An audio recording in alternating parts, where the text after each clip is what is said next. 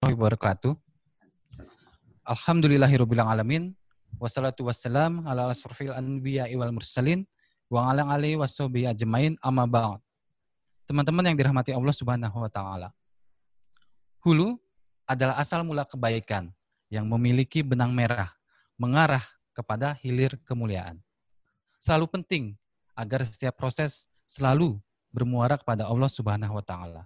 Agar arusnya benar, agar Allah lingkupi dengan kebaikan. Inilah proses ikhtiar. Selalu ada rintangan di setiap perjalanan. Tapi Allah tak putus beri kenikmatan. Walau ribuan tahun lintas generasi lamanya. Tapi Allah mengijabah doa dengan kehadiran sosok yang paling mulia. Sebuah garis keturunan yang Allah jaga agar kelak ia siap, mampu, dan berkualitas memikul amanah sebagai nabi terakhir. Teman-teman, inilah sesi ke-6 Living Sirah Iman Pet kolaborasi dengan 16 komunitas. Bismillahirrahmanirrahim. Pentingnya nasab yang unggul. Tafadol Ustaz. Bismillahirrahmanirrahim. Assalamualaikum warahmatullahi wabarakatuh. Alhamdulillahilladzi arsala rasulahu bil huda wa dinil haq liyudhhirahu 'ala ad-din kullih wa kafa billahi syahida. Asyhadu an la ilaha illallah wa la syarika lah wa asyhadu anna Muhammadan 'abduhu wa rasuluh. Allahumma salli wa sallim wa barik 'ala nabiyil huda wa 'ala alihi wa ashabihi wa wala amma ba'd. Ikhwani wa akhwati, saudaraku yang dirahmati Allah Subhanahu wa taala. Alhamdulillah hari ini kita menginjak minggu kedua. Ah, kita mulai kenalan ini sama segala sesuatu yang berkaitan dengan diri Rasulullah Sallallahu Alaihi Wasallam. Tentu saja ini hal yang sangat indah sekali. Kita mulai bersentuhan dengan uh, apa saja yang Rasulullah pernah bersentuhan dalam kehidupannya. Hari ini kita bicara tentang akar dari keturunan Rasulullah Sallallahu Alaihi Wasallam. Bagaimana menarik benang kesimpulan ini dalam kehidupan kita hari ini? Kita akan lihat nanti beberapa pelajaran penting bagaimana peran uh, nasab keturunan di dalam kesuksesan seseorang, di dalam uh, kebaikan seseorang, di dalam uh, bagaimana dia menjalani kehidupan dan lain sebagainya. Hal-hal yang berkaitan dengan hal itu. Sesaudara yang dirahmati Allah Subhanahu wa taala, Hari ini kita bicara tentang nasab Rasulullah setelah kita melanjutkan kisah Abraha. Jadi ini e, bersatu terus, bersambung terus. Ya, pada pertemuan yang lalu kita telah sampai di mana Abraha sedang bersiap-siap ingin menghancurkan Ka'bah. Gajah besar yang ditunggangi oleh Abraha bernama Mahmud ini diarahkan semakin mendekat kepada Ka'bah. Tetapi tiba-tiba dia langsung uh, duduk ke tanah ya, tidak mau melangkah. Betapa anehnya kejadian itu sementara gajah ini kuat dan dalam kondisi yang prima. Ketika dicoba mengarah ke tempat lain, ke arah Syam, gajah itu berjalan. Atau ke arah Irak, gajah itu berjalan. Tapi begitu kembali diarahkan mengarah ke Ka'bah, gajah itu kembali membangkang, tidak tidak mau berjalan.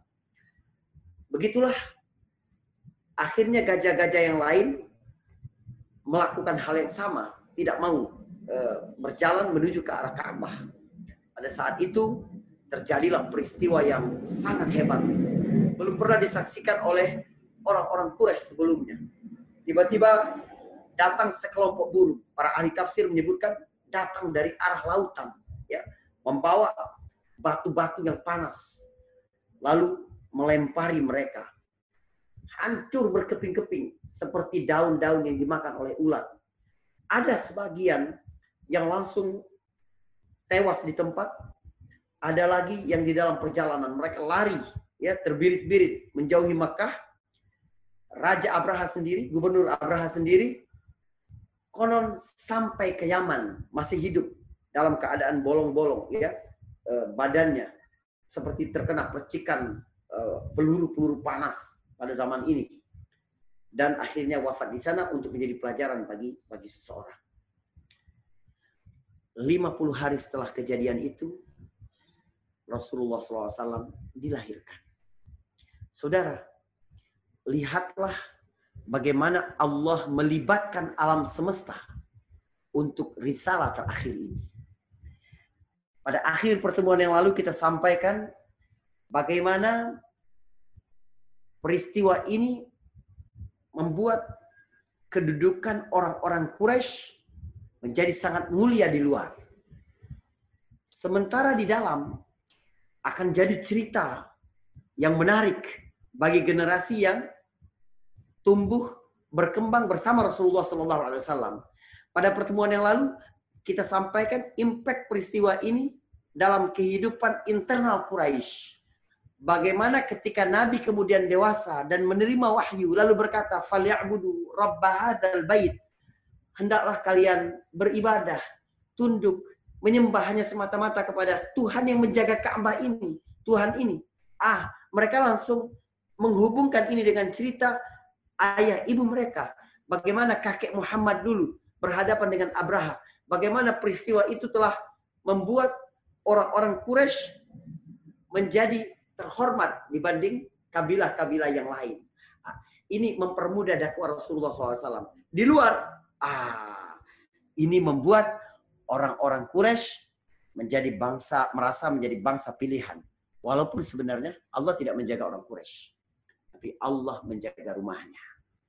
Tapi ini tentang bagaimana Allah Subhanahu wa menyiapkan Nabi Shallallahu alaihi wasallam penerimaan orang-orang manusia di alam ini melihat siapa sih Muhammad ini? Ah, Muhammad adalah seorang yang pilihan dari keluarga pilihan, berasal dari kabilah pilihan, dari keturunan pilihan, terus begitu. Bagaimana? Ini digambarkan oleh Rasulullah Sallallahu Alaihi Wasallam dalam hadis riwayat Tirmidzi. Nabi Sallallahu Alaihi Wasallam bersabda, perhatikan, Nabi bersabda, Inna Allah astafa min waladi Ibrahim Ismail. Sesungguhnya Allah memilih dari anak-anak Ibrahim, Allah memilih yang paling baik, yaitu Ismail. Berdasarkan hadis ini, Ismail lebih mulia daripada Ishak. Ismail lebih mulia daripada Ishak. Kalau dalam riwayat Muslim tidak ada kalimat sesungguhnya Allah memilih dari anak Ibrahim itu Ismail, tidak ada. Tapi dimulai dari kalimat berikutnya. Wastafa min waladi Ismail bani Kinana. Dan Allah memilih dari anak keturunan Ismail itu bani Kinana. Wastafa min Bani Kinanah Quraisy dan Allah memilih dari Bani Kinanah itu Quraisy wastafa min Quraisyin Bani Hashim. Memilih dari Bani Hashim memilih dari Quraisy Bani Hashim. Wastafani min Bani Hashim. Perhatikan bagaimana urutannya. Kita akan coba dari yang paling kecil. Bahwa ini Nabi Muhammad sallallahu alaihi wasallam semoga kelihatan baik Nabi Nabi ini pilihan dari keluarga Bani Hashim. Bani Hashim adalah keluarga pilihan dari Quraisy. Di sini ada Quraisy. Quraisy adalah pilihan dari keturunan Kinana. Kinana adalah keturunan pilihan dari Ismail. Ismail adalah keturunan pilihan dari Ibrahim. Subhanallah. Perhatikan bagaimana Allah memilih Rasul. Bahwa dia memang layak menjadi contoh teladan di bidang apa pun. Bahkan dari akar yang jauh dari kehidupan awalnya. Bahwa dia adalah pilihan di atas pilihan, di atas pilihan, di atas pilihan, di atas pilihan. Apa maksudnya? Inna Allah astafa. Sesungguhnya Allah memilih. Apa arti istafa? Istafa artinya berasal dari kata safa, jernih. Istafa itu berarti menyaring sampai yang paling jernih. Itu istafa. Artinya Allah memilih yang paling jernih untuk menghilangkan, mengeliminasi debu-debu yang membuat dia tidak jernih. Artinya ada banyak yang dieliminasi. Allah memilih dari Bani Hashim Muhammad. Allah memilih dari Quraisy Bani Hashim. Allah memilih dari Kinana Quraisy. Allah memilih dari Ismail Kinana. Allah memilih dari Ibrahim. Yang memilih ini siapa? Yang memilih ini adalah Allah Subhanahu wa taala. Berbeda kalau yang mengeliminasi Allah dengan yang mengeliminasi manusia. Manusia kan terbatas sekali uh, pengetahuannya terbatas. Kenalnya kepada orang terbatas. Jadi kalau suamimu berkata kepada engkau, ya, ini dalam kelas tafsir uh, Ibrahim ya di di Imanpet kerjasama dengan salah satu komunitas itu disampaikan nanti kita akan sampaikan apa makna istafa memilih Allah memilih memilih sesuatu dan mengeliminasi yang lain. Kalau Allah yang memilih lalu mengeliminasi yang lain, itu berarti memang pilihan di atas pilihan. Kenapa? Karena Allah melihat segalanya. Ilmu Allah meliputi segala sesuatu. Tapi kalau suamimu berkata, "Ma, kamu adalah pilihanku." Ya, dibanding berapa orang. Atau jangan-jangan dia memang tidak ada pilihan, tapi untuk menyenangkanmu berkata begitu. Kan bisa begitu. Ah, tapi istafa bagi Allah Subhanahu wa taala ini artinya sangat kaya. Jadi inilah pilihan Allah sehingga dia mengutus nabi kepada kita semua. Hadis yang tadi riwayat Tirmizi, hadis Muslim tanpa kata Allah memilih dari Ibrahim Ismail. Langsung Allah memilih dari keturunan Ismail ada Kinana. Sekarang kita akan melihat keluarga Nabi Shallallahu Alaihi Wasallam, pilihan-pilihan demi pilihan ini. Kita kembali ke Quraisy dulu. Kita akan sampaikan ke Quraisy dulu. Quraisy ketika Rasulullah lahir telah dikokohkan oleh peristiwa alam menjadi kabilah yang paling terpandang di Jazirah Arab. Kenapa bisa begitu? Ada beberapa peristiwa terjadi. Dan ini tentu bukan kebetulan. Di dalam ilmu Allah, di dalam aturan Allah Subhanahu wa taala, ya, saya saya sambil cek peserta udah gabung berapa orang ini karena sayang kalau kalau belum gabung ya. Jadi Poinnya apa sekarang saya ingin sampaikan buat yang baru bergabung ya. Poinnya adalah Allah melibatkan alam semesta ini untuk menyiapkan risalah kenabian terakhir ini. Nabi berasal dari Quraisy dan bagaimana kedudukan Quraisy menjadi meninggi, terangkat dan sangat penting disegani oleh seluruh jazirah Arab. Karena apa? Pertama, karena Ka'bah sehingga Quraisy menjadi pusat budaya dan agama.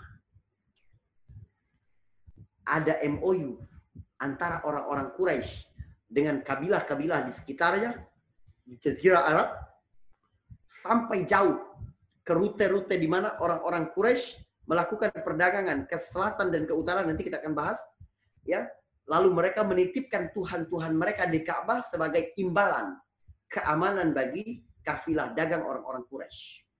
Jadi ketika Nabi Shallallahu Alaihi Wasallam menghancurkan 360 berhala tahun ke-8 Hijriah itu bukan Tuhan orang Quraisy semua bukan.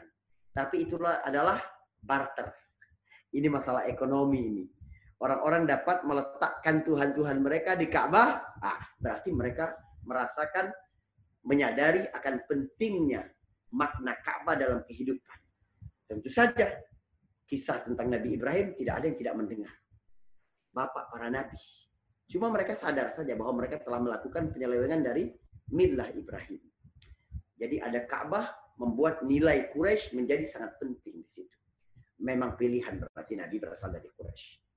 Peristiwa kedua, ya hal yang kedua yang membuat Quraisy sangat dihormati adalah layanan orang-orang Quraisy kepada jamaah haji. Jadi haji sebagaimana yang kita sampaikan terus berjalan walaupun masa fatrah, masa kekosongan belum ada nabi terakhir. Kosong antara Nabi Isa dan Nabi Muhammad sallallahu alaihi wasallam. Orang-orang Quraisy melayani itu. Nanti kita akan jelaskan juga. Yang ketiga, yang membuat Quraisy menjadi semakin disegani adalah peristiwa Raja Abraha dan pasukan bergajahnya ini. Orang-orang melihat, ah, Allah menjaga orang-orang Quraisy. Jangan sembarangan dengan orang-orang Quraisy. Mereka adalah bangsa pilihan. Mereka adalah kekasih Allah Subhanahu wa taala. Itu itu mindset orang-orang memandang Quraisy ketika itu. Ka'bah kebaikan mereka karena melayani jemaah haji serta peristiwa tentara bergajah yang gagal. Cukup? Belum, ada satu lagi. 25 tahun sebelum Nabi Shallallahu Alaihi Wasallam menerima wahyu. Saat itu umur Nabi 15 tahun terjadi peristiwa yang luar biasa di Quraisy. Apa itu? ada seorang pedagang dari Zubair, ya, dari suku Zubair, seorang laki-laki berdagang, lalu barang dagangannya itu diambil oleh salah seorang pemuka Quraisy bernama Al-As bin Wa'il, tokoh utama ini, setara dengan Umayyah bin Khalaf, setara dengan Abu Jahal, setara dengan Utbah bin Rabi'ah. Ini tokoh-tokoh ya, apa uh, orang-orang penting di Quraisy, ya kelompok elit Quraisy. Al-As bin Wa'il mengambil barang itu dan nggak mau bayar. Sampai orang dari Bani Zubair ini berteriak minta tolong kepada orang-orang Mekah yang lain, tapi tidak ada yang peduli. Akhirnya dia sangat gemes. Dia naik ke Jabal Qubais. Jabal Qubais itu tempat Bilal azan dulu, ya, waktu Futuh Mekah. Jabal Qubais itu lokasinya istana raja yang di dekat uh, Sofa. Di situ dia naik dan dia bersyair dengan syair ratapan. Betapa memalukan di Quraisy ada orang yang di Mekah di negeri yang terpilih ini orang-orang membiarkan ada orang yang dizalimi. Melihat hari itu terpanggillah ya eh, mohon maaf laki-laki tadi berasal dari Bani Zabid. Sehingga ketika laki-laki dari Bani Zabid eh, atau Az-Zabidi ini melakukan berteriak bersenandung dengan syair ratapan dia diperhatikan oleh salah seorang anak Abdul Muthalib bernama Zubair bin Abdul Muthalib. Zubair melihat hal ini, ini memalukan Quraisy. Maka dia kumpulkan beberapa pemuka, harus ada tindakan ini. Agar tidak ada orang yang bisa dizalimi di Quraisy. Akhirnya mereka melakukan kumpul di rumah Abdullah bin Juda'an, salah seorang pemuka di Quraisy juga. Jadi tentu saja yang diundang ini orang-orang penting. Di antara orang penting itu ada seorang remaja 15 tahun bernama Muhammad. Dia adalah Rasulullah SAW. Berarti Nabi SAW telah dipandang dari sejak usia sangat dini. Perannya di tengah masyarakat ini luar biasa. Anda bisa bayangkan Nabi SAW, nanti kita akan sampai pada satu episode, kita melihat, ah begini ternyata memiliki uh, apa memiliki kepribadian yang kuat. Di satu sisi Nabi tidak mirip dengan orang-orang di sekitarnya. Nabi tidak ikut budaya berzina. Nabi tidak ikut budaya minum-minuman keras. Nabi tidak makan sembelihan untuk berhala. Nabi bahkan tidak menyembah berhala. Tetapi perannya di tengah masyarakat luar biasa. Bukan berarti Anda sudah hijrah, lalu Anda menarik diri tidak bergaul dengan teman-temanmu yang lain. Jangan. Engkau harus tetap terlibat aktif. Engkau tetap punya keterlibatan sosial, punya uh, tanggung jawab sosial, ya punya kewajiban amar ma'ruf nahi mungkar, punya kewajiban untuk melihat apa saja yang dibutuhkan oleh orang-orang ini, punya kewajiban untuk melihat apa yang bisa diselamatkan, bagaimana cara menyelamatkannya. Ini Nabi Shallallahu Alaihi Wasallam. Umur 15 tahun terlibat dan dia diundang. Artinya bukan dia yang menawarkan diri. Artinya orang melihat kelas Rasulullah pada saat berusia 15 tahun itu udah beda pastinya memang. Maka diajak ikut. Buktinya Nabi berkata begini, tidak ada pertemuan yang paling aku sukai pada zaman jahiliyah kecuali Hilful Fudul. Pertemuan di rumah Abdullah bin Jur'an. Lau du'itu fil Islam la ajabt. Kalau sekiranya aku diundang dengan pertemuan serupa ketika sudah masa Islam, aku juga akan datang. Apa artinya? Lau du'itu. Kalau aku diundang. Berarti pada Hilful Fudul Nabi juga undangan. Kenapa Nabi diundang? Berarti pengaruh Muhammad ini diperhitungkan. Kalau Muhammad ikut tanda tangan MOU, orang akan lihat. Ah, Muhammad saja ikut. Kita harus patuh di sini. Subhanallah. Akhirnya beritanya menyebar ke mana-mana. Bahwa Quraisy telah membuat satu undang-undang penting. Siapa pun yang berinteraksi di Quraisy, berjual beli, bermuamalah di Quraisy, tidak mungkin ada yang bisa menzaliminya karena sudah ada MOU ini. Subhanallah semakin terhormatlah kedudukan Quraisy di tengah jazirah Arab. Persiapan apa ini? Persiapan sebelum Allah munculkan. Allah mengutus seorang rasul dari orang Quraisy itu tadi. Subhanallah. Baik, ini Quraisy. Kabilah pilihan. Lalu kita lihat Bani Hashim. Bani Hashim, anak keturunan dari Hashim kita akan sampaikan beberapa personal penting pada diri Nabi sampai ke Nabi Ibrahim. biar kita lihat bagaimana orang-orang memandang Muhammad. Orang Arab ini adalah bangsa yang sangat fanatik dengan nasab.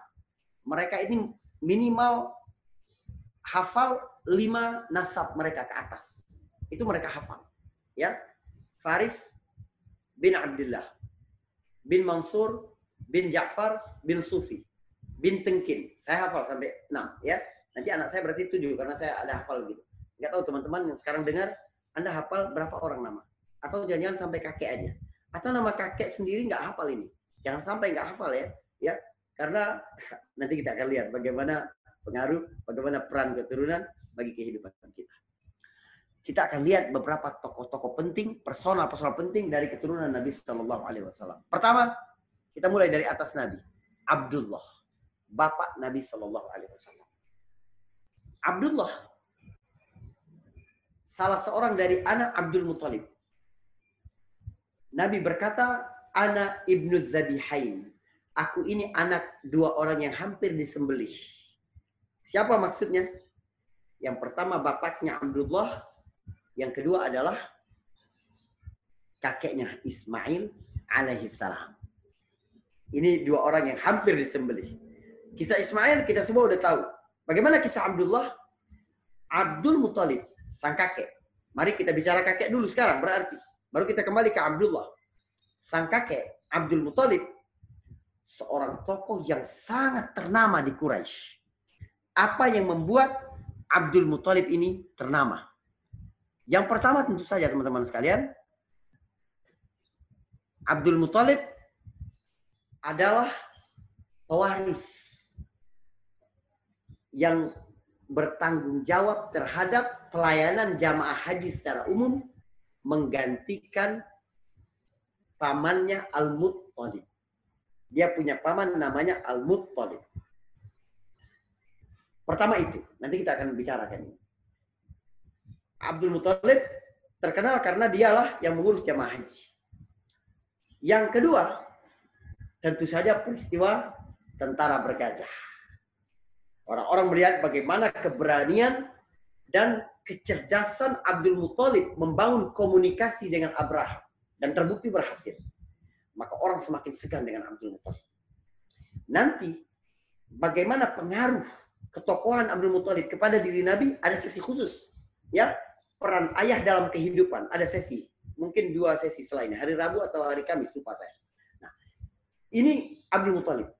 Yang pertama tadi dia yang bertanggung jawab memimpin urusan pelayan panitia pelayanan umum jamaah haji. Yang kedua, peristiwa tentara bergajah melambungkan nama Abdul Muthalib. Yang ketiga, ada peristiwa lagi. Apa itu? Saudara, pada saat Nabi Ibrahim meninggalkan Hajar dan Ismail di Mekah yang tandus, kemudian Allah memberikan sumur Zam-Zam di dekat Ka'bah. Sumur ini tidak pernah habis airnya. Sehingga ketika terjadi eksodus besar-besaran dari selatan, Yaman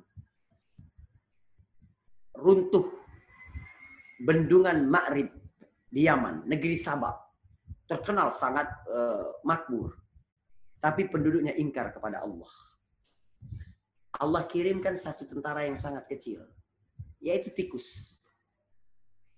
Melobangi tanah di bawah bendungan sehingga akhirnya jebol itu dan terjadi banjir besar, irigasi, sawah-sawah dan ladang mereka semua rusak. Ah, mereka mulai merantau ke utara. Di antaranya adalah Bani Jurhum yang sampai ke Mekah ketika Ismail dan Hajar sudah di situ. Mereka melihat dari kejauhan, ah ada burung, ada tanda kehidupan. Maka mereka mengejar ke mana arah burung menukik dan dia dapatilah dua orang, ya ibu dan anak yang sedang menjaga airnya. Mereka minta izin untuk tinggal di situ. Oleh Hajar, ibu Nabi Ismail, oke okay, nggak apa-apa. Kalian izin tinggal di sini, tapi syaratnya kepemilikan air tetap pada kami. Mereka setuju. Akhirnya jadi kampung lah itu. Keturunan dari Yaman, dari Jurhum. Dari salah seorang anak Bani Jurhum inilah Nabi Ismail kemudian menikah. Nabi Ismail menikah. Jadi ada bibit Yaman pada diri Rasulullah SAW nanti. Ini terjadi pernikahan. Sepeninggal Ismail, bangsa Jurhum ini durhaka kepada Allah. Allah hukum. Disembunyikan lagi mata air zam-zam. Sudah, nggak ada, udah hilang, nggak ada lagi air mata zam-zam. Eh, mata air zam-zam sudah tidak ada lagi. Kapan muncul kembali mata air zam-zam? Satu hari Abdul Muthalib kakek Nabi ini sedang tertidur di dekat Ka'bah. Ya, di dalam Al-Bidayah wa Nihayah jilid 5 di sini buku ini diceritakan ya Abdul Muthalib berkata inni naim fil hajar ketika itu fil hijr ketika itu aku sedang tertidur di hijr Ismail ya di samping Ka'bah. Iz atani atin. Aku bermimpi ada seorang datang kepadaku lalu berkata faqalali dia berkata kepadaku ahfir tiba. Galilah kebaikan. Terkejut Abdul Muthalib dalam mimpinya dia bertanya Wamal tiba. Apa yang kamu maksud dengan tiba? Ya, tayyib, tayyibah, tiba. Apa apa kebaikan yang kamu maksudkan itu? Galilah tiba. Apa itu tiba? Abdul Muthalib bertanya begitu, lalu dia terbangun dari tidurnya, terkejut ya. Lalu ya udahlah itu mimpi. Besoknya dia istirahat tidur lagi di situ. Datang lagi seseorang menunjukkan satu tempat di dekat Ka'bah dan berkata, "Ahfir birrah." Galilah kebenaran. Abdul Talib merasa apa ini? Wama birrah. Apa yang kamu maksud dengan birrah ini, kebaikan atau kebenaran ini? Lalu dia terbangun dari tidurnya. Besoknya lagi, datang lagi orang yang sama dan berkata kepadanya ketika dia sedang tidur, ahfir zam-zam. Galilah zam-zam. Tunjukkan situ. Sampai akhirnya Abdul Muthalib tahu bahwa perkara ini bukan main-main. Akhirnya dia mengajak seorang anaknya, ya Al Harith bin Abdul Muthalib namanya, paman Nabi, ya saudara tua Abdullah, mengajak Al Harith untuk menggali itu sehingga terbitlah mata air zam-zam. Anda bisa bayangkan bagaimana harga nilai air di tengah padang pasir. Lebih dari minyak saat ini. Apalagi saat ini minyak sedang turun ya. Hanya Pertamina saja yang belum menurunkan minyak. Negara-negara tetangga udah turun sampai separuh lebih. Jadi bayangkan ya, ini bukan kajian politik. Bagaimana orang-orang menghormati dan mengagungkan Abdul Muthalib sejak saat itu.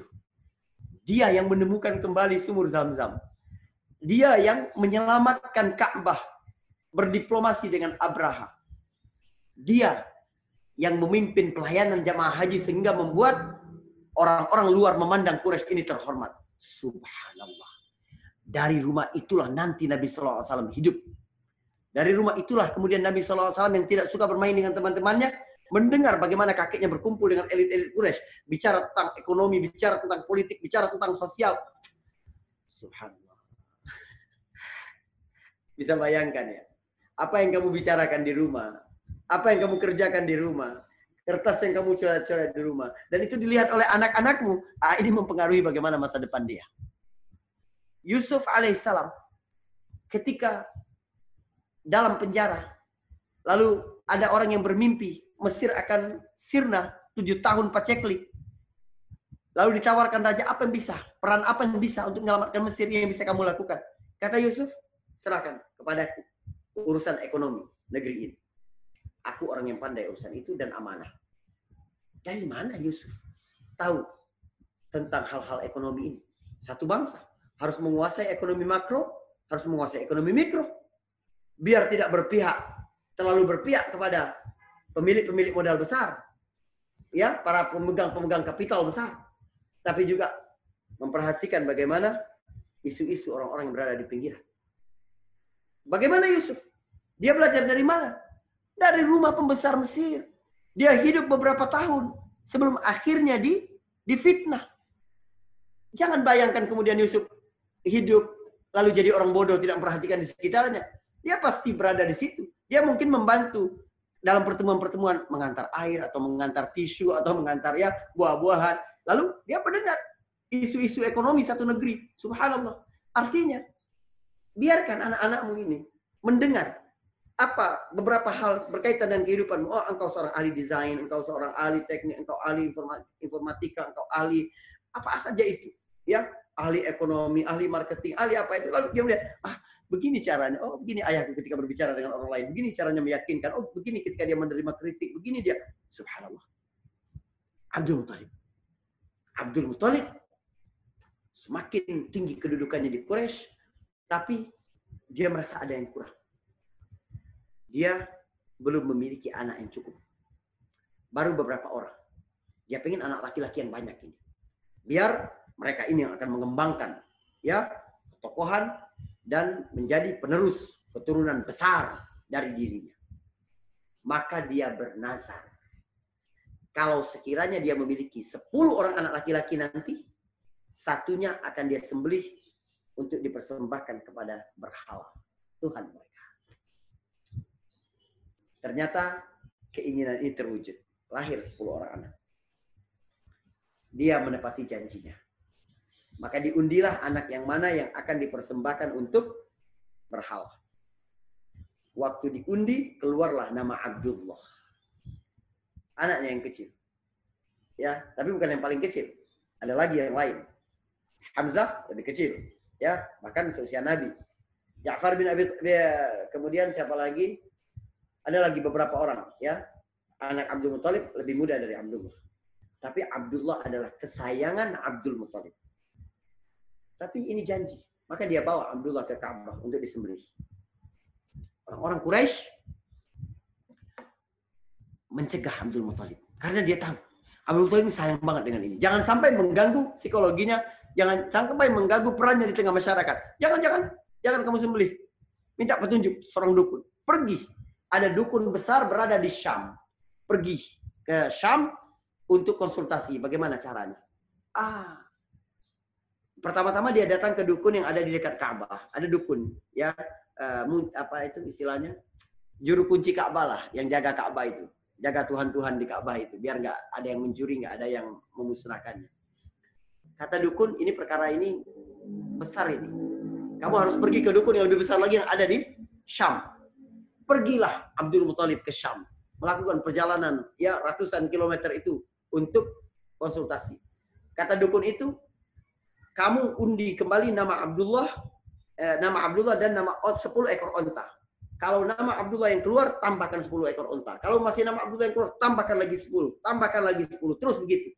Tetapi menyembelihnya tidak bisa sembarangan. Harus dukun yang ada di Mekah. Subhanallah. Lihat, sesama setan saling menguatkan satu sama lain ini. Dari zaman dulu sampai sekarang ini. Dukun yang di sini dengan dukun yang di sini. Nah, jadi kembali lagi ke Mekah dan mulai mengundi sampai 100 ekor onta baru keluar onta. Tidak keluar nama Abdullah. Jadi harga Abdullah ini 100 ekor onta. Ana ibnu Zabihain. Aku ini anak dua orang yang hampir disembelih. Satu Abdullah, bapak kandungnya. Yang kedua Ismail, buyut tertingginya sebelum Nabi Ibrahim alaihissalam. Nah, ini ini Abdullah. Baik. Lalu Abdul Muthalib sang bapak tadi, dia pelayan jamaah haji. Ini kan besar sekali kedudukannya. Apa itu? Memberi kemanfaatan bagi sekitar, saudara. Bagaimana semangat Rasulullah Shallallahu Alaihi Wasallam dalam memberi semangat, dalam memberi kebaikan kepada orang lain, ingin orang lain mendapat keimanan, ingin orang lain selamat dunia akhirat, ingin orang lain merasakan kebahagiaan di dunia dan akhirat. Kenapa begitu? Dia melihat bagaimana kakek buyut mereka melayani jamaah haji yang luar biasa ini. Abdul Muthalib menggantikan pamannya Al-Muttalib. Al-Muttalib adalah adik dari Hashim. Hashim adalah bapak Abdul Muttalib. Muhammad bin Abdullah bin Abdul Muttalib bin Hashim. Ya, bin Abdul Manaf bin uh, Usai. Baik. Abdullah anak dari Abdul Muttalib. Abdul Muthalib anak siapa? Anak Hashim.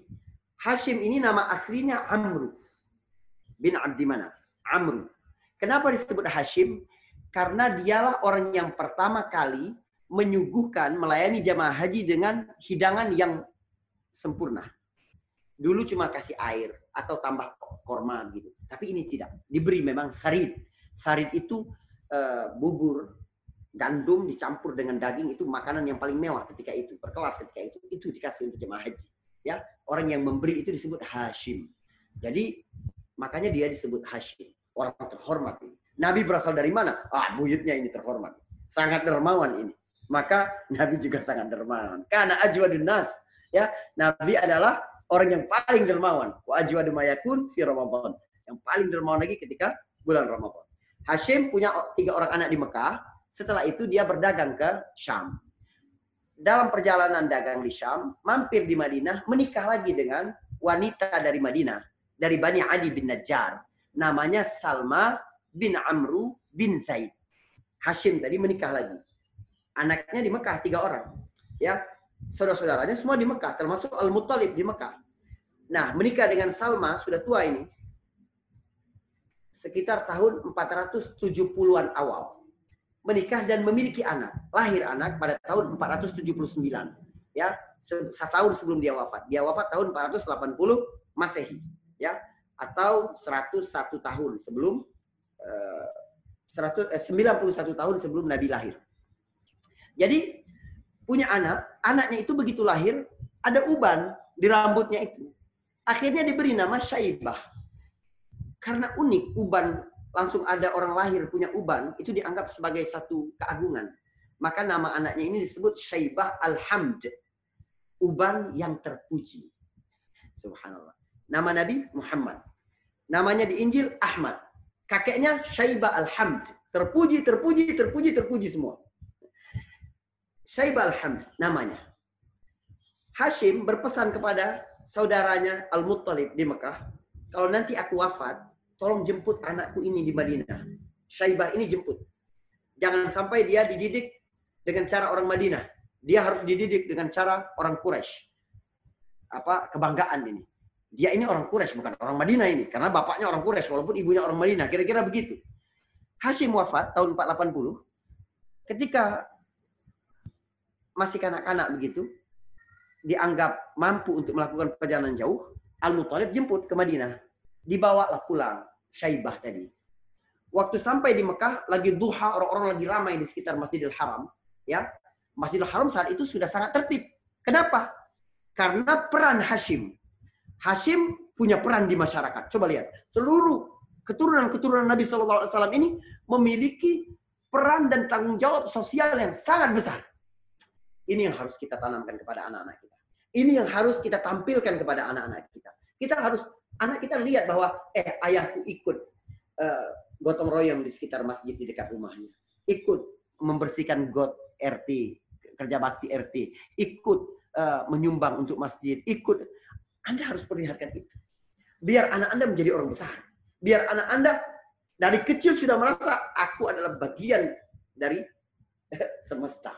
Aku adalah bagian untuk kepentingan alam raya ini. Aku bukan hidup untuk diriku sendiri. Jangan sampai anak kita besar, sempit dia pikir untuk diri sendiri saja. Jangan. Bagaimana dia mulai dilatih untuk berbagi ketika kecil. Bagaimana dia dilatih untuk melihat dirinya adalah engkau bukan satu-satunya di alam ini. Engkau adalah bagian kecil dibanding yang lain. Engkau ayahmu harus memperhatikanmu, tapi ayahmu juga harus memperhatikan umat, harus memperhatikan sekitar, harus memperhatikan lingkungan, harus memperhatikan masjid, harus memperhatikan subhanallah. Bayangkan itu. Hashim sang buyut ini adalah orang yang pertama merintis dua rute perdagangan. Tadi kita bicara tentang Abdul Muttalib, sekarang bicara tentang Hashim. Dua rute perjalanan. Kita berkejaran dengan waktu ini. Dua rute perjalanan. Ke Yaman dan ke Syam sebelum Hashim, orang-orang Quraisy cuma berdagang ke Syam. Pada musim dingin mereka libur. Tidak kuat untuk melakukan perjalanan ke ke Syam. Sementara barang-barang tetap datang dari Persia, dari daerah Asia Tengah tetap datang. Nah, Hashim lah yang kemudian merintis rute baru. Dan ini berat. Kenapa berat? Anda jangan bayangkan keamanan seperti sekarang. Anda jangan bayangkan transportasi seperti sekarang. Setiap kita membaca sejarah teman-teman sekalian, apa pun yang nanti saya akan sampaikan di sirah ini, tolong cabut diri kita dari kondisi saat ini dan berempatilah hidup seperti pada zaman itu. Banyak rampok di situ, banyak begal di situ. Lalu Hashim merintis jalan dagang ke situ. Bayangkan satu musim. Dari bulan Oktober sampai bulan April orang-orang Quraisy berdagang ke selatan yaitu ke Yaman. Bayangkan November, Desember, Januari, Februari, Maret, April, 6 bulan. Biasanya mereka tidak ada pemasukan, mereka ada masukan. Ah, tapi ya itu. Akhirnya dibuat MOU MOU dengan kabilah-kabilah rute perjalanan dagang mereka itu. Kalau ke Syam sudah biasa, ke sini baru.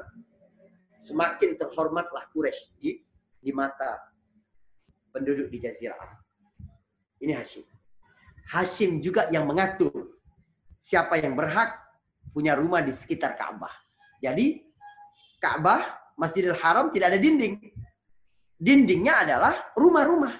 Ah, ini rumah-rumah pemuka dulu. Siapa yang berdiri di di paling dekat dengan dengan Ka'bah ini? Pemukiman yang paling padat adalah pemukiman Bani Syaibah. Kalau sekarang itu teman-teman kalau umrah sa'i antara Safa dan Marwah ah, ada pintu kalau kita mau buang air mau ke toilet misalnya ketika lagi sa'i ada pintu itu pintu Bani Syaibah itu ya yang dibuka itu pintu Bani Syaibah. Bab Bani Syaibah ada tulisannya. Nah, itu perkampungan padat dulu di situ. Baik. Hashim uh, adik Hashim tadi Al-Muttalib sepeninggal Hashim dia yang bekerja membawa kembali Syaibah tadi pergi ke Mekah. Dalam keadaan Mekah lagi ramai dia masuk. Orang-orang mengira karena tidak kenal dengan Syaibah ini, anak Hashim nggak tahu mereka mereka mengira ini adalah hamba sahaya, pelayan baru milik Al-Muttalib. Padahal itu ponakan Al-Muttalib. Akhirnya orang Mekah panggil Syaibah ini Abdul Muttalib, hamba Al-Muttalib. Melekatlah itu menjadi nama panggilan kakek Nabi Shallallahu Alaihi Wasallam. Jadi nama aslinya bukan Abdul Muttalib. Abdul Muttalib artinya hamba saya milik Al Muttalib. Padahal dia ponakan dari Al Muttalib. Baik, ini Hashim. Siapa di atas Hashim lagi yang terkenal? Kusai. Siapa Kusai?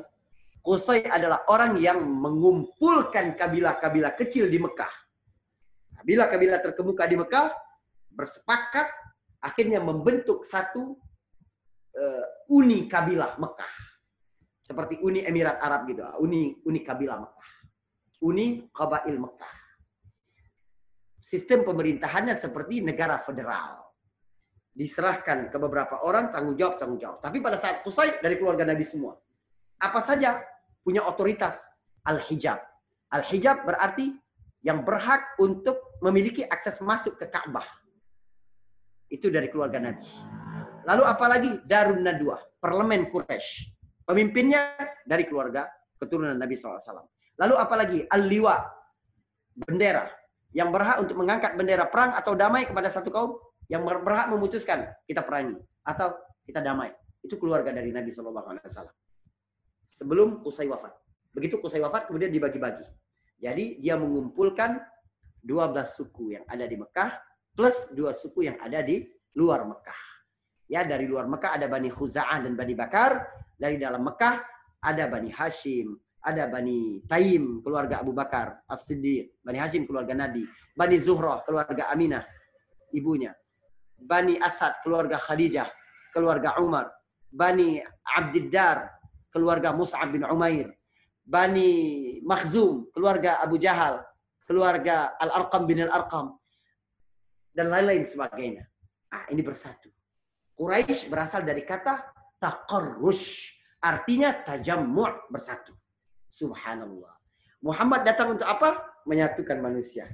Datang dari mana Muhammad? Dari Qusay yang menyatukan Quraisy. Cuma Quraisy, tidak. Buyut lebih jauhnya adalah Ismail yang menyatukan Mekah. Yang menyatukan Arab. Kenapa? Istrinya orang Yaman. Eh, warga Yaman. Nah, kalian bagian dari sini. Ibunya Hajar dari Mesir. Ah, orang Mesir sini. Kamu ada di sini. Bapaknya Ibrahim lahir di Irak. Ah, orang Irak. Besar di mana? Besar di Palestina, orang Syam. Subhanallah berkumpul. Mesir, Yaman, Syam, ya, Irak. Nabi, semangatnya begitu. Mengumpulkan. Tajam. Lalu, bangsa Eropa Lalu agama-agama lain tidak dikumpulkan, dikumpulkan. Siapa? Ibrahim. Satu simbol keturunan dari Bani Israel juga, bangsa kulit merah juga. Muhammad datang. Seolah-olah ingin berkata, aku punya kapasitas untuk mengumpulkan manusia di bawah satu bendera. Karena aku adalah keturunan Ibrahim yang mengumpulkan seluruh ras. Aku adalah Ismail yang mengumpulkan Jazirah Arab. Aku adalah keturunan Qusay yang mengumpulkan Quraisy. Aku adalah keturunan Bani Hashim yang mengumpulkan keluarga Bani Hashim. Rasulullah Wasallam. Saudara, apa yang bisa kita dapati pada hari ini? Pertama, keturunan adalah amanah. Teruskan kebaikan.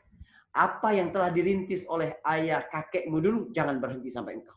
Jangan sampai ada tetangga, jangan sampai ada kerabat, jangan sampai ada sahabat yang kenal tentang latar belakang keluargamu lalu berkata, ah si fulan, padahal bapaknya dulu begini, kakeknya dulu begini, buyutnya dulu begini, dia bikin begitu. Jangan sampai.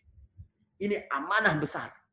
Ingat, setiap kali kita melakukan sesuatu yang tidak terpuji, Anda bukan cuma berdosa kepada diri Anda sendiri, tapi juga Anda tidak amanah dengan apa yang telah dirintis, kebaikan yang telah dirintis oleh keturunan-keturunan Anda. Yang kedua, wariskan yang baik untuk anak. Hidup ini satu yang pasti. Kematian juga sesuatu yang pasti. Jangan risaukan kapan kita hidup, jangan risaukan kapan kita mati. Risaukan apa yang kita tinggalkan. Legasi apa yang akan dilihat oleh anak cucu kita nanti apa. Anda bisa bayangkan tidak? Coba bayangkan kalau nanti anak cucumu itu bercerita, ah kakekku loh yang ikut bangun masjid ini. Kakekku loh yang dulu bikin yayasan yatim di sini. Ah bapakku yang bentuk majelis taklim di sini lalu berkembang begini begini begini. Ada sesuatu yang dia lihat. Ada legasi yang kau tinggalkan untuk anakmu. Pertemuan hari ini tentang kebaikan yang berumur panjang. Pertemuan kali ini tentang akar kebaikan yang tidak boleh engkau rusak. Juga satu pelajaran tentang kesuksesan sangat penting. Anda mau sukses, tempatkan dirimu di tengah orang-orang yang sukses. Nabi dari Bani Hashim, asal dari Quraisy, dari Kinanah, dari Ismail, dari Ibrahim. Susah untuk sukses. Kalau engkau tidak menempatkan dirimu, keluargamu di tengah orang-orang sukses. 16 komunitas yang berkumpul pada program Living Sila ini. Insya Allah. Cara kita menempatkan diri kita berada di tengah orang-orang yang sama punya misi besar, orientasi akhirat. Insya Allah. Semoga pertemuan ini bermanfaat, teman-teman sekalian. Ini yang bisa saya sampaikan. Kita akan lanjutkan dengan uh, tanya jawab insya Allah ya. Baik baik, uh, syukur Ustaz. Uh, insya Allah mudah-mudahan kita bisa selesaikan di jam 15 uh, 4 uh, 16.50 Ustaz biar uh, Ustaz juga bisa bersiap-siap untuk kajian berikutnya. Insya Allah ini sudah ada beberapa pertanyaan yang masuk teman-teman. Alhamdulillah saya tadi mau sedikit merangkum ternyata sudah dirangkum oleh Ustaz di kata-kata uh, terakhir. Alhamdulillah. Uh, kita mulai ke pertanyaan pertama dulu Ustaz. Insya Allah dari Q&A nih. Uh, Bismillah. Uh, jamaah haji, uh, pertanyaan pertanyaannya adalah sebagai berikut Ustaz. Jamaah haji saat zaman kakek Nabi itu menyembah apa? Baik. Jadi jamaah haji itu menyembah Allah Subhanahu wa taala. Ya. Tetapi mereka juga menyembah berhala-berhala. Jadi adanya berhala itu bukan menafikan zat Allah bukan. Orang-orang jahiliyah itu tetap tahu itu. Tetapi mereka melihat cara mendekatkan diri kepada Allah itu. Qalu na'buduha liyuqarribuna ilaihi zulfa. Kami menyembah berhala-berhala itu sebagai wasilah perantara mendekatkan kami kepada Allah Subhanahu wa taala. Itu maksud mereka. Jadi mereka sudah kenal sama Allah itu sudah kenal, gitu loh. Ya. Jadi mereka sudah sudah kenal dengan Allah. Tetapi mereka menyekutukan Allah. Allah bukan satu-satunya Tuhan yang disembah, juga yang lain. Jadi tauhid rububiyah mereka ada. Mereka percaya yang menciptakan langit dan bumi adalah Allah. Tapi uluhiyahnya tidak ada. Tauhid harus sempurna. Tauhid uluhiyah, rububiyah dan asma wa sifat. Wallahu a'lam Pertanyaan berikutnya adalah begini, Ustaz. Ustaz, kira-kira doa apa yang diamalkan supaya keturunan kita menjadi keturunan yang unggul dan senantiasa diberi hidayah iman Islam, Ustaz? Baik, baik. Bagus sekali. Bagaimana agar memiliki keturunan yang unggul. Ini juga ada chat yang masuk. Bagaimana kalau kita berasal dari keturunan yang tidak baik, Ustaz? Hmm. Apakah ada kesempatan untuk membuat keturunan ini baik? Bisa. Bahwa justru ini kesempatan dirimu yang memulai.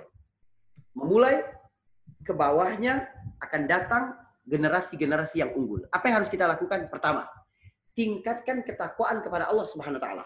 Pada saat dirimu bertakwa kepada Allah Subhanahu wa taala, Allah akan menjaga dirimu dan keturunanmu firman Allah. Saya lupa di surahnya apa, nanti saya saya sampaikan ke panitia kalau mau kalau mau share atau teman-teman bisa cari. Wal yakhshal ladina law taraku min khalfihim dzurriyyatan dhi'afan khafu 'alaihim falyattaqullah. Hendaklah seorang di antara kamu takut untuk meninggalkan generasi yang lemah yang kamu khawatir nanti hidupnya seperti apa. Ini bisa nggak nanti menghadapi kehidupan? Bisa nggak ya menghadapi cabaran-cabaran dan cobaan-cobaan dalam hidup? Gimana nanti anakku ini? Bagaimana nanti ekonominya? Bagaimana? Kamu khawatir terhadap itu. Khafu alaihim. Kamu khawatir sepeninggalmu nanti dia bisa hidup apa tidak? Maka apa yang harus kamu lakukan? Kata Allah, beli rumah anakmu satu-satu. Tidak. Tinggalkan emas, dua batang, dua batang, satu kilogram, satu kilogram. Tidak. Ya, sekolahkan mereka tinggi-tinggi. Tidak apa? Kalau kamu khawatir, bagaimana kamu meninggalkan keturunanmu nanti? Falyattaqullah. Maka hendaklah kamu bertakwa kepada Allah. Kalau kamu bertakwa kepada Allah, Allah akan menjaga kamu. Allah yang akan menjaga keturunan. Ini pertama. Yang kedua, pendidikan yang benar. Apa pendidikan yang benar dalam Islam? Ku anfusakum wa ahlikum narah. Apa pun yang engkau ajarkan kepada anakmu, kalau itu tidak membuatnya lebih jauh dari neraka, tidak menjauhkan dia dari neraka, maka pendidikanmu gagal. Tiga, doa itu saja. Salah sudah awatin la turat, tiga doa yang tidak ditolak, doa ul walid, doa ayah. Doa orang tua kepada anak. Wa doa musafir, doa orang musafir, wa doa saim hatta yaftir. Doa orang puasa sampai dia berbuka. Sekarang saat yang paling tepat bagi orang tua untuk mendoakan anaknya. Dalam kondisi puasa, dan doa orang tua kepada anak. Tidak ditolak. Doanya seperti apa? Apa saja. Minta zuriat yang salihah. Minta. Baik yang disebutkan dari Al-Quran. Rabbana hablana min azwajina wa dzurriyyatina qurrata a'yun. Atau minta bahasa kita, ya Allah berikan aku anak yang saleh. Ya Allah jadikan anak-anak saleh. Jadikan subhanallah. Ya. Jadi apa tadi? Bertakwalah kepada Allah. Didiklah dengan cara yang benar. Lalu doa kepada Allah Subhanahu wa taala. Baik. Saya jawab cepat biar banyak kebagian. Baik, baik. Insya Allah, Ustaz. Yang ada beberapa pertanyaan berikutnya lagi nih, Ustaz. Assalamualaikum, Ustaz. Apakah kakek-kakek Nabi tidak belajar bahwa Nabi Ibrahim dulu menghancurkan berhala? Baik, baik. Uh, kisah berhala ini kan di Babilonia. Nabi Ibrahim ini lahir di kota Ur, kota tua yang ada di, di Irak. Lalu dia merantau sekitar 45 km ke arah utara, Ur, itu namanya Babil. Di situ kejadiannya. Kita nggak tahu apakah bangsa Quraisy yang ada di Mekah ini uh, tahu cerita tentang itu atau tidak. Kalaupun tahu, itu tidak ngaruh. Bahkan mereka tahu Ibrahim ini mengajak kepada agama yang satu. Buktinya ada sebagian orang seperti Waraqah bin Nawfal, Ubaidillah bin Jahaz yang kita sebutkan pada dua pertemuan atau tiga pertemuan yang lalu.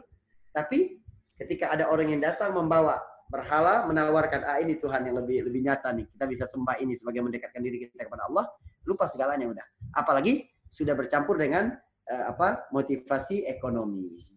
Ketika orang-orang sudah menitipkan Tuhan-Tuhan mereka di Ka'bah ah bahaya kalau kita tinggalkan itu semua. Kita sudah tanda tangan MOU semua ini. Nanti perdagangan dagang kita gimana ini? Perjalanan kita nggak terjamin keselamatannya ini. Maka mereka tetap itu ya. Jadi ada kepentingan dunia di situ. Allah alam besar Baik. Baik, baik, baik. Alhamdulillah Ustadz. Uh, teman-teman apabila masih ada pertanyaan nggak apa-apa nanti bisa WhatsApp ke teman-teman panitia atau PIC uh, eh, komunitas teman-teman. Nanti kita akan jawab satu persatu insya Allah. Dan uh, satu lagi sebelum kita tutup uh, Ustadz uh, dan juga teman-teman, insya Allah kita akan mulai mulai minggu ini teman-teman kita akan mulai uh, kajiannya kelas ini lebih awal ya. Insya Allah jam 15.40 kalau nggak ada kendala kita akan coba uh, running uh, go live-nya untuk kelas uh, revisi roh mulai minggu dua mulai hari ini gitu teman-teman ya insya Allah mudah-mudahan teman-teman bisa hadir tepat waktu Ustadz insya Allah uh, terima kasih jazakallah khair uh, Ustadz atas uh, materinya hari ini dan teman-teman mudah-mudahan ada banyak hikmah yang bisa kita dapat hari ini, betapa pentingnya nasab yang unggul terhadap legacy kita salah satunya di situ ya insya Allah. Baik, dan teman-teman sebelum kita tutup, ini adalah sesi terakhir kita hari ini. Insya Allah ini adalah sebuah kebaikan, sebuah inspirasi. Saudaraku yang dicintai karena Allah Subhanahu wa taala, apa pun kebaikan yang kita lakukan hari ini itu tentu berasal dari akar yang kuat. Apa yang telah ditanamkan oleh orang tua, orang tua kita dulu. Nilai-nilai yang telah dia kokohkan dalam kehidupan mereka ketika mendidik kita dulu. Begitulah kita hidup. Maka jika hari ini kita memperbesar kembali kebaikan-kebaikan itu, Ketahuilah bahwa kita sebenarnya tengah menyemai benih-benih kebaikan untuk keturunan kita di masa mendatang. Jangan sampai menjadi pemutus kebaikan yang telah disemai oleh orang tua orang tua kita dulu. Jangan sampai pula menghentikan hak anak-anak kita nanti. Mereka harus terlahir dari bibit-bibit yang baik dan kuat. Semoga pertemuan kita hari ini bermanfaat. Assalamualaikum warahmatullahi wabarakatuh.